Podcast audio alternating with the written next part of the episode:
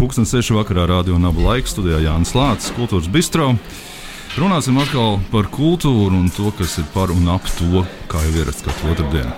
Veselu pusstundu. Uh, Šodien uh, Kultūras Bistro viesiņi ir kino kritiķi Dārts Ceriņš un publicisti arī. Un kas tik, kas tik dārts vēl nav, un arī akadēmiska, akadēmiskais darbinieks un, un tā tālāk. Un tā tālāk. Ar vienu sakot, cilvēks, kas ir, kas ir kultūrā iekšā līdz ausīm. Saku, patiesi, labvakar, Dārts. Labvakar, jā.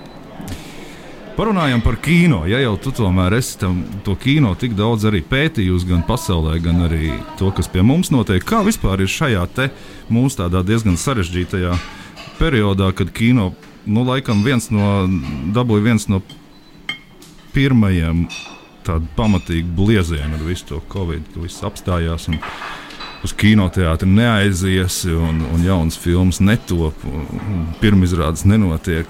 Kāda situācija ir šobrīd, pēc pusgada apmēram, cik tev ir zināms? Tā situācija ir uh, tiešām ļoti. Pasaka, man īpaši tuvs teiciens, lai vispār raksturotu kopējo tādu pandēmijas situāciju, ir uh, diagnoze bez prognozes. un To pašu arī var attiecināt uz kino industriju visos uh, aspektos, gan sākot ar ražošanu, gan arī dzen, ar um, jā, izplatīšanu, kas ir arī festivāli un arī ar izrādīšanu, skatīšanos, līdz tā filma nonāk līdz ekrāniem. Un uh, šobrīd, protams, tas viss. Uh, Kino stāvoklis ir piesaistīts uh, tam, kādi ir uh, šie epidemioloģiskie rādītāji, kāda ir šī saslimstība, kur ir tie augstākie uzliesmojumi. Kā piemēram, visvairāk uh, globālajā kino presē aplūkoto Amerikas kino situāciju, tas ir uh, šobrīd arī no biļešu pārdošanas un kases apjoma lielākais tirgus arī pasaulē, lai gan nedaudz atpaliek arī Ķīna.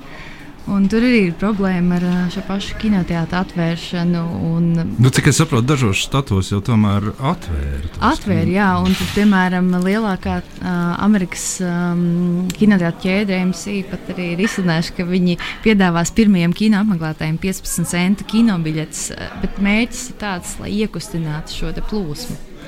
Jo tā kā ir daudz mēnešu, nedēļas arī bijuši aizvērti šie kinoteātri, bažas nu, cietīs līdz ar to kasi. Uh, filmas arī dzen, tiek no grafika aspekta pārlikts. Kā mēs zinām, kas notika aprīlī, paredzēts bija Bonda jaunākais laidiens nav laika mirt. Tas ir pārlikts uz novembri. Daudz Nu, tur cits- daudz citu zvaigžņu kāri un kas tikai Ir vēl daudz, un nu, jā, tāpat arī.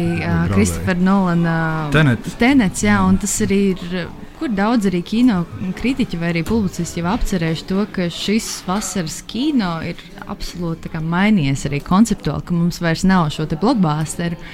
Un, um, Līdz ar to ir daudzi jau iepriekš februārī izlaistie kinodarbi, kas joprojām dzīvo un faktiski uz tāda putekļainā režīmā. Mēs atrodamies tīri no informācijas, no filmu arī piedāvājuma kā tāda. Un tad mēs, protams, ceram gaidām uz festivāliem. Daļa pārgrupējas arī dzen, digitālā, tiešais arī platformā. Um, daļa, kā piemēram Venecijas kinofestivāls, kas sāksies 2. septembrī, viņi ir samazinājuši to programmas apjomu no 80 līdz 60 filmām. Un tas, ko viņi darīs, viņiem būs daudz vairāk šo te, uh, brīvdabas uh, kinoseansu. Bet vienalga tas arī notiek, saglabā šo te savu klātienes tādu um, jā, bastīliju. Un, jā, kā zināms, Kanādas tad uh, faktiski jā, tika atcelts, bija goda izziņots uh, šī konkursu programmas, filmas, bet uh, viss, kas notika, tas bija tiešais te tirgus galvenokārt. Tā kā tie varianti jā, ir ļoti, ļoti dažādi. Un, Bet, eh, kā, bet kā notiek ražošana? Teiksim, cik tev ir zināms par to jauns, jauns filmas? Labi, šīs te, kas ir iekonservētas tagad, gan jau ka viņas parādīs. Vai līdzīgi tāpat kā Toms Hen Henks ar šo savu Greyhound, nu, neizturēja. Laikam piespiedu producents un tomēr ielika Netflixā iekšā un rādīja digitālās platformās. Šo. Šī pirmsrāde notika, respektīvi.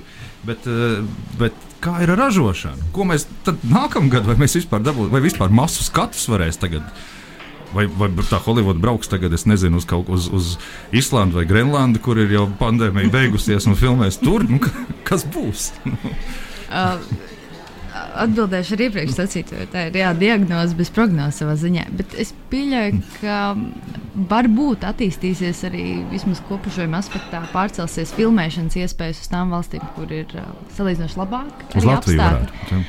Jā, kur mums šobrīd ir tiešām ārkārtīgi labvēlīga uh, situācija. Bet tāpat lai, pašā laikā, protams, ir filmas, kas ir pabeigtas. Uh, kuras baidoties no nu, producentu vai studiju aspekta, no kases iztrūkuma, vienkārši gaida to labvēlīgo mirkli, kad vienkārši atgriezīsies šī cilvēku plūsma. Un tajā pašā laikā mēs zinām, arī Latvijā um, Marts Elīns Martinsons Tīzlens ir filmēšanas uh, fāzē. Tāpat Staņslavs Tokalovs Mīls arī dzen, tiek jā. uzņemts. Un, um, tas situācijas, domāju, no valsts uz valsts ir ļoti, ļoti, ļoti dažādas. Pirms dažām pirms pāris nedēļām, jāsaka, es satiku vienu pazīstamu režisoru. Intrigu atstāšu, neteikšu, kur.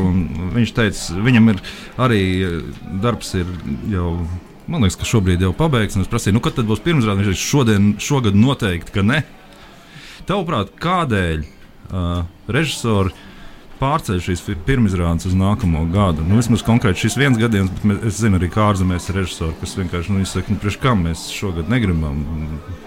Tas ir saistīts kaut kas ar festivāliem, vai ar ko tas ir saistīts? Tā ir.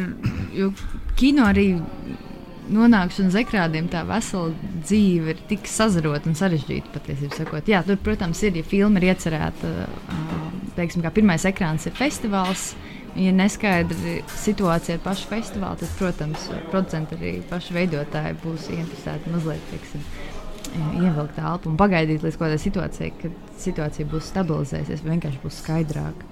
Un es domāju, ka tajā pašā laikā ir arī šī te, uh, auditorijas, arī pašu skatītāju arī bailes mm -hmm. par to, cik tas ir droši atrasties kinoteātros. Ja arī atgriezīšos piemēram pie Amerikas, tas, kas šobrīd piemēram, ir fokusā, kas faktiski nodrošina visu šo kino skatītāju plūsmu, ir faktiski trīs pilsētas Amerikas. Savienoto valstu teritorijā tā ir Ņujorka, tā ir San Francisco un tā ir Losandželos.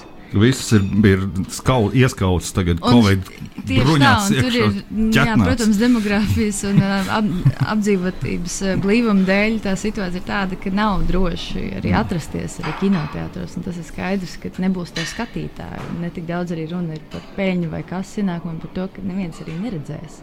Un līdz ar to šobrīd tiešām tādā veidā mēs esam nonākuši tāda laisku, tāda dīvaina, blomo vai tāda Sibīrijas stāvoklī, ka mums ir tiešām pieejami šie straumēšanas um, servisi, Netflix, uh, Amazon Prime un daudz citu. Arī tos gribētu izcelt arī Mubiju kas piedāvā ļoti, īpaši arī pandēmijas laikā, ļoti labu arī kuratoriālu um, Eiropas un vispār pasaules kino programmu. Tādā pašā iepakojumā, kāds ir Netflix. Kad filmas faktiski var piedzīvot arī savas pirmsrādes un nonākt daudz lielākā, varētu teikt, iesaistē ar pašiem skatītājiem tieši digitāli.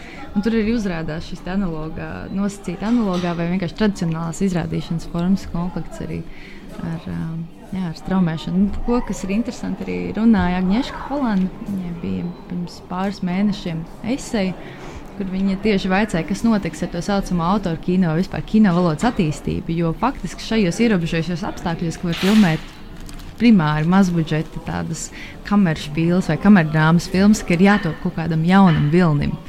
Kaut kādā jaunā estētikā. Parunājam par to. Jā. Jā. Es katram, gandrīz katram viesim, kas šeit nāk studijā, vaicāju šo te pats sāku tēmu Ko Agnēša Holanda saka? Agnēša Holanda, viņa, protams, retorizē un spekulē, vai mums taps jauns, teiksim, dogmas vilnis. Tādā ziņā, ka mums ir ļoti uh, limitēts budžets, ir maz aktieru, maz iesaistīto. Un uh, kāds izskatīsies tas kino? Nākotnē, ko mēs varēsim faktiski ieraugot, kas ir tapis šajos apstākļos, pandēmijas dienās, piemēram, pēc pusgada, kad varbūt cerams situācija būs labāka. Un, kas ir interesanti, pieminēja arī Venēciju, tad Pedro Almadovars uh, jūlijā. Um, pamatā izmantojot Žana Kokto viencēlīnu operu, cilvēku balss uzfilmēja 30 minūšu īsfilmu Tilda Svintona titulomā, kas šobrīd arī ir Venēcijas konkursā. Tas būs tagad trendā tādas viena, divu aktieru filmas, kur uh, liela masa skati būs retums. Jo tādēļ, ka tos nofilmēt vienkārši, redzot, nevar. aizlieguma dēļ. Es domāju, ka jā, nāks, nāks diezgan daudz arī. Kamerspīles. Jā, tādas kamer, kameru drāmas, domāju, kur arī tie paši varoņi arī reflektē par uh, šo izolāciju, jebkādu vai nu sociālo vai fizisko distancēšanos. Lai gan, protams, mēs zinām, šajos laikos Vai arī pašā pandēmijas arī sākumā tā sociāla distancēšanās faktiski bija tā, es teiktu, ka mēs bijām tik sociāli kā nekad savā ziņā. Dažādās komunikācijas veidos. Fiziskā distance, protams, tika ievērota. Nu, Acīm redzot, tādēļ, ka mums vienkārši bija ārkārtīgi daudz iemeslu visu laiku atcerēties par to, ka šai pasaulē ir citi cilvēki. Jā. Jā. Ko tas jā, nozīmē? Ka tu esi, ka tu vienīgais. No un, un tu esi nodalīts, bet tu neesi vienīgais. Bet, eh, paklau, bet labi, ok, pieņemsim. Tagad uh, kino, kino attīstās šādā veidā, ka tiek nogriezts kaut kas ļoti, ļoti svarīgs. Nost. Tu sāki, es pakāpšos pārsoļus uz apgabalu, sāku runāt par to, ka pāriet uz digitālajām platformām, uz šiem online kinoteātriem. nu, tomēr, tavuprāt, ko tas zaudē? Atšķirībā no tā, ka tu aizēji uz IMAX vai nezinu, uz kādu vienkārši foršu kvalitātīvu kinoteātri, iesēdies mīkstā krēslā un skaties uz lielu ekrānu. Mm. Es varu paust vienīgi to savu pozīciju. Nu, tādā jā, ziņā, labi, jā, tādā ziņā jā. es esmu tradicionālisti kino pūristi. Es tiešām uzskatu, ka ja kino ir uh, kolektīvais kopradas darbs, tad tas arī auditorijas aspektā vai skatītāja ziņā atrodas ap svešniekiem tumsā. Man liekas, tas aspekts ir ārkārtīgi svarīgs. Ka tu esi izolēts, ienākot, ienāc tajā pasaulē, un tev ir nepieciešama vēl apkārt arī pazīstami vai mazāk pazīstami cilvēki. Es domāju, šī pieredzes telpa ļoti tiek degradēta. Tā ir. Bet tāpat laikā straumēšanas um, kino platformas piedāvā šo te, uh, atsimirklīgo iesaisti tādu bezpiepūles eh, režīmu. Mēs arī patiesībā sakot, ar vien vairāk arī dzīvojam tādos apstākļos, ka mums ir mazāk sevi jāpiespiež vai jātērē savu laika resursu vai finansiālu resursu. Un tas ir acīm redzami. Netflix abonēšana maksā mēnesī tikpat, cik kino biļete Rīgā, piemēram. Bet atšķirība šeit, manuprāt, ir vēl viena arī par to, ka tad, kad tu sēdi vienalga pie, varbūt pat pie ļoti kvalitatīva monitora un ar ļoti labu skaņas aparatūru. Mājās, savā čībās un pidžamā, vai nu, kā nu kurš tur sēž mājās, nezinu, kur, kas kuram ir maiga atmosfēra. Tad, eh, atšķirībā no kinoteātra, tev pēkšņi var ienākt prātā, paskatīties, kas notiek ziņās. Un tu uzreiz atslēdzies no tā, kas notiek tur. Un tu uzreiz atslēdzies no kinoteātrī. Tu nevari atslēgties. Tu esi faktiski tevi šie autori ievelk no sākuma līdz beigu titriem iekšā, un tu esi um, tu, tu veltīji savus dzīves, divas stundas, atdod šai mākslai. Šajā gadījumā es domāju, ka tas. Es jau minēju kādreiz to faktu, ka tad, kad es mācījos televīzijas lietas, tas bija 90. gada beigās, tad mums tā no Holandas pasniedzēja brauca. Viņa teica, jūsu lielākais ienaidnieks ir televīzijas pults. Dariet tā, lai tam cilvēkam tā pults, tad, kad viņi ieraudzīja jūsu produktu ekrānā, tik nolikta malā.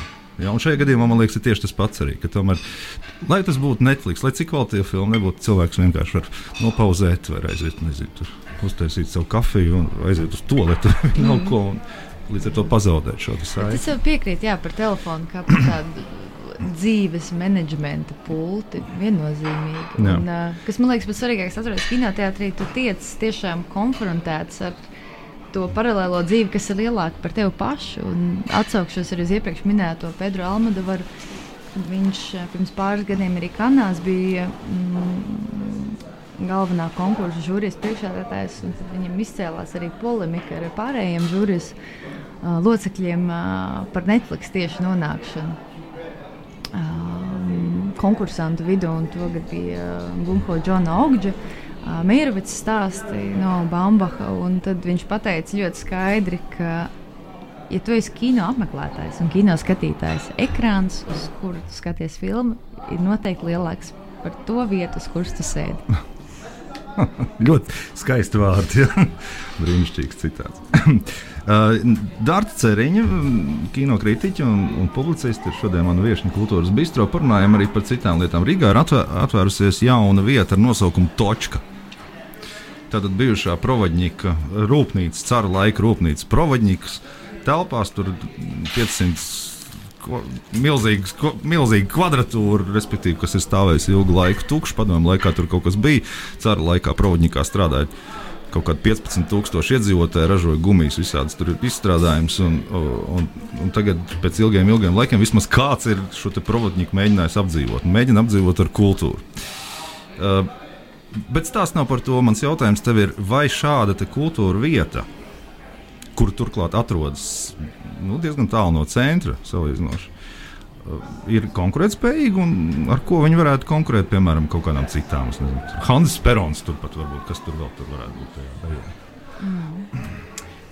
Uzreiz gribētu arī papildināt, ka piemēram, Hannes Perons vai Točka ir pilnīgi divi dažādi, protams, tie koncepti.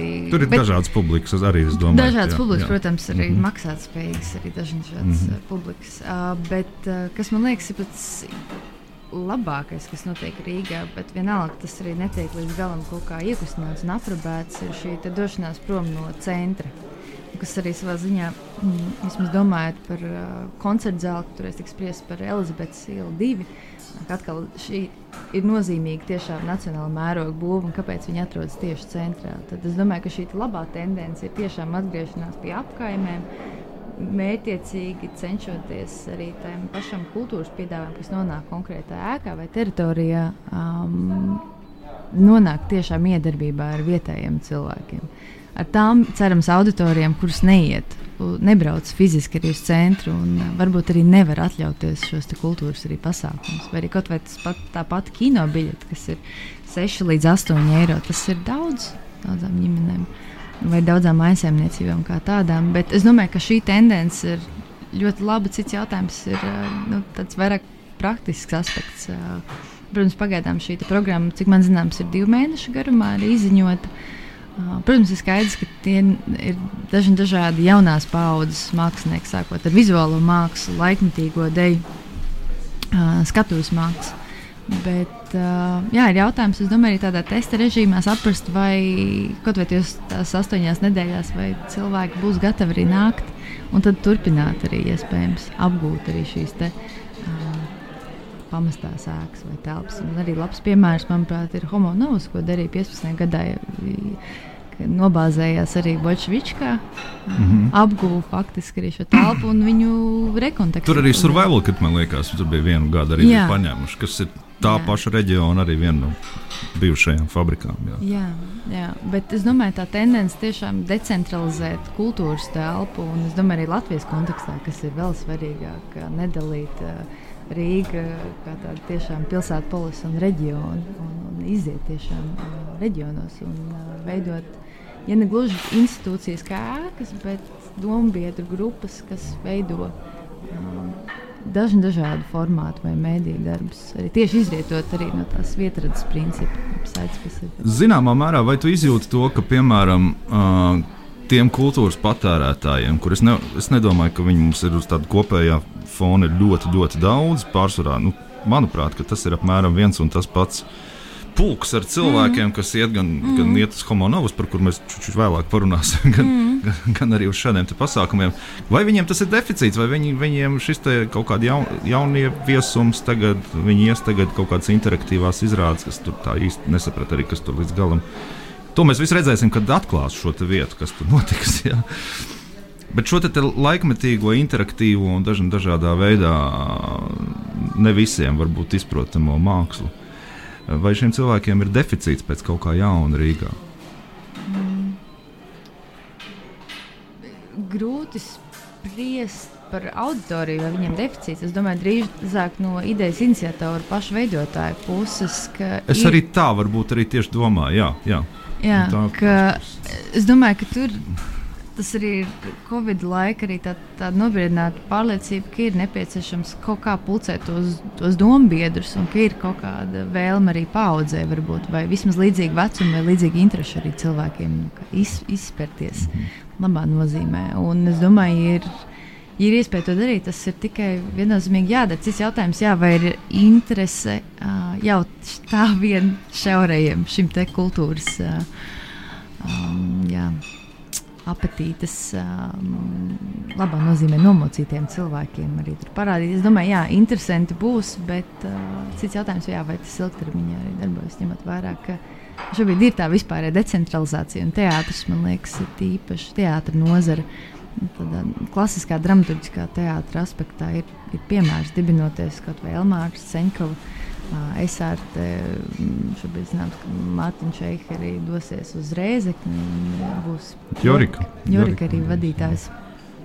Mākslinieckais, un, un tas vispār norāda, es pat domāju, tādā labā nozīmē, pat ne krīze, bet to, ka beidzot ir pārkāpts kaut kāds slieksnis arī Covid kontekstā. Mēs saprotam, ka mēs nevaram vienkārši darīt lietas, vai faktiski ražot uh, mākslu pēc iepriekš kaut kādās esošās piegrieznes. Uh, Un tas, es domāju, ļoti labi.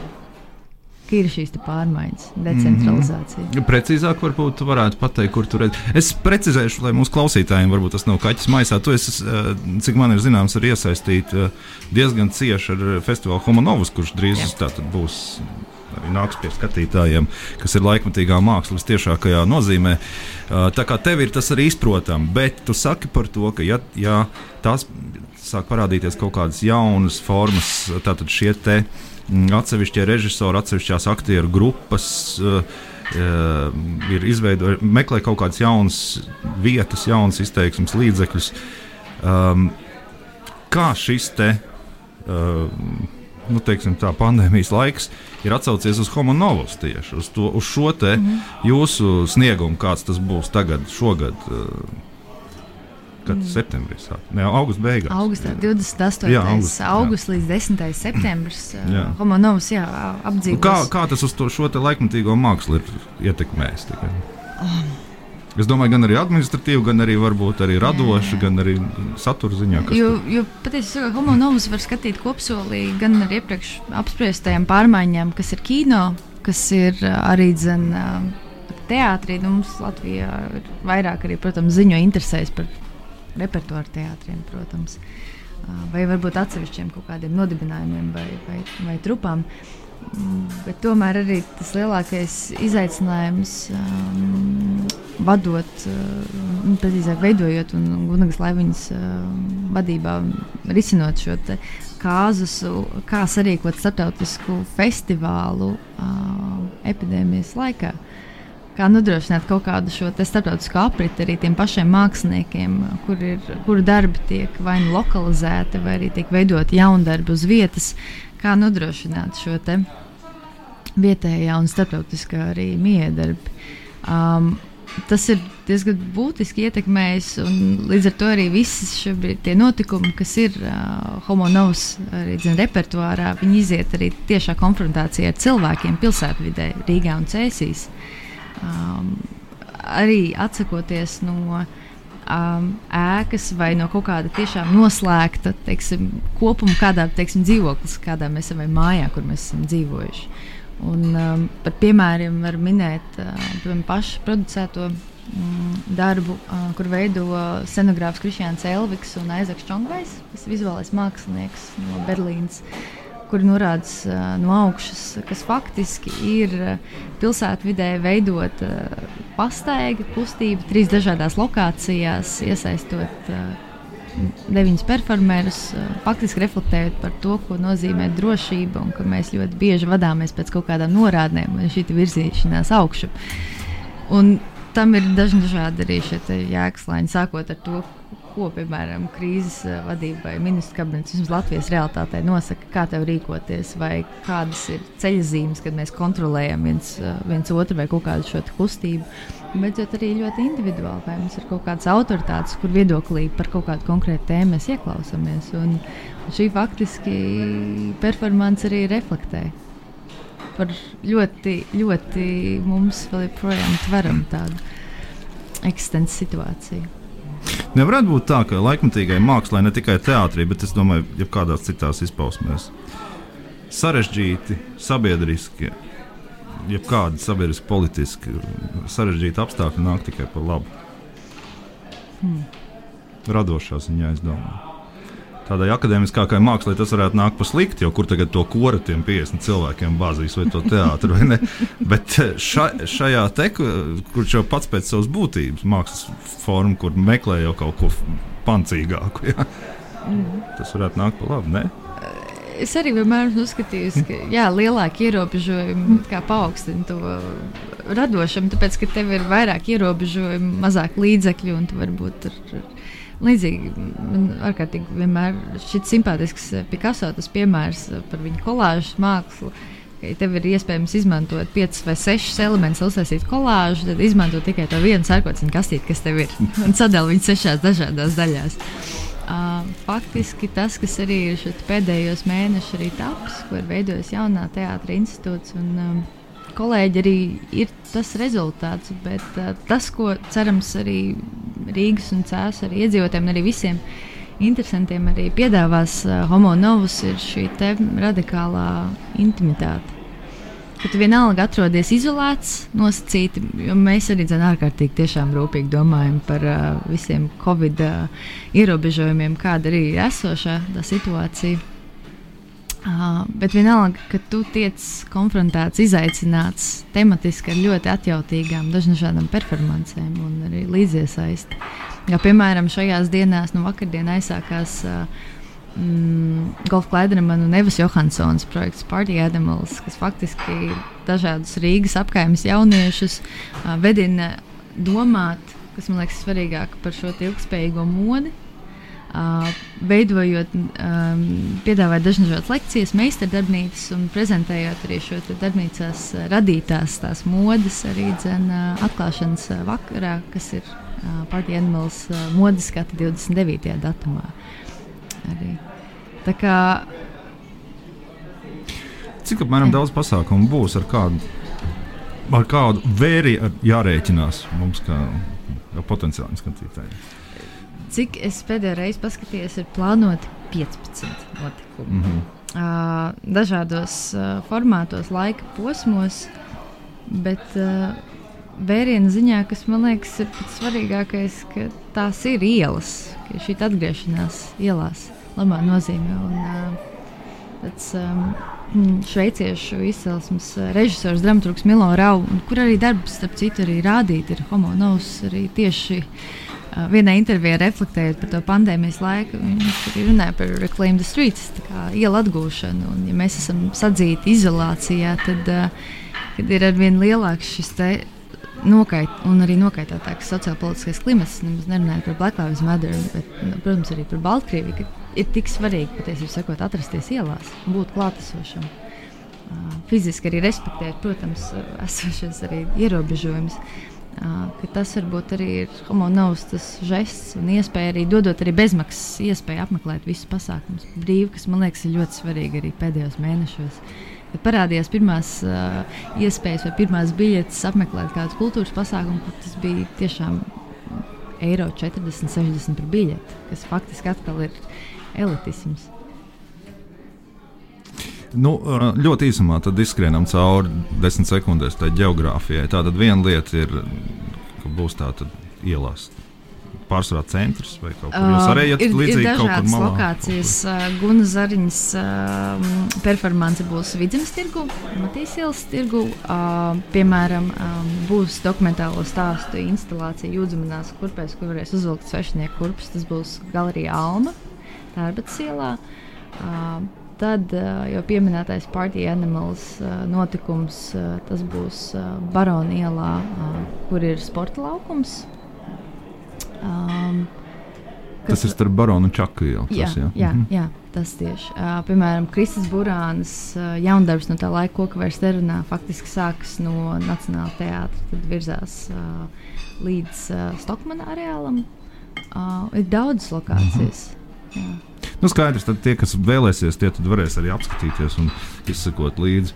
Uh, Pusstunda mums ir paskrējusi ļoti ātri, dārta, bet es gribēju vēl, vēl ļoti vienu tēmu, bet nu, to tad jāatstāj būs uz kaut kādu citu reizi. Es ceru, ka uh, nākamā nedēļa, kad iespējams pie manis viesosies arī kāda dāma, tad uh, mēs parunāsim, jo ir iznākusi grāmata par grāmatu nosaukumu mūsējās, par tātad izcilām Latvijā, Latvijas sievietēm, Latvijas vēsturē. Un, nu, man, man, man pašam šķiet tā ļoti interesanta tēma.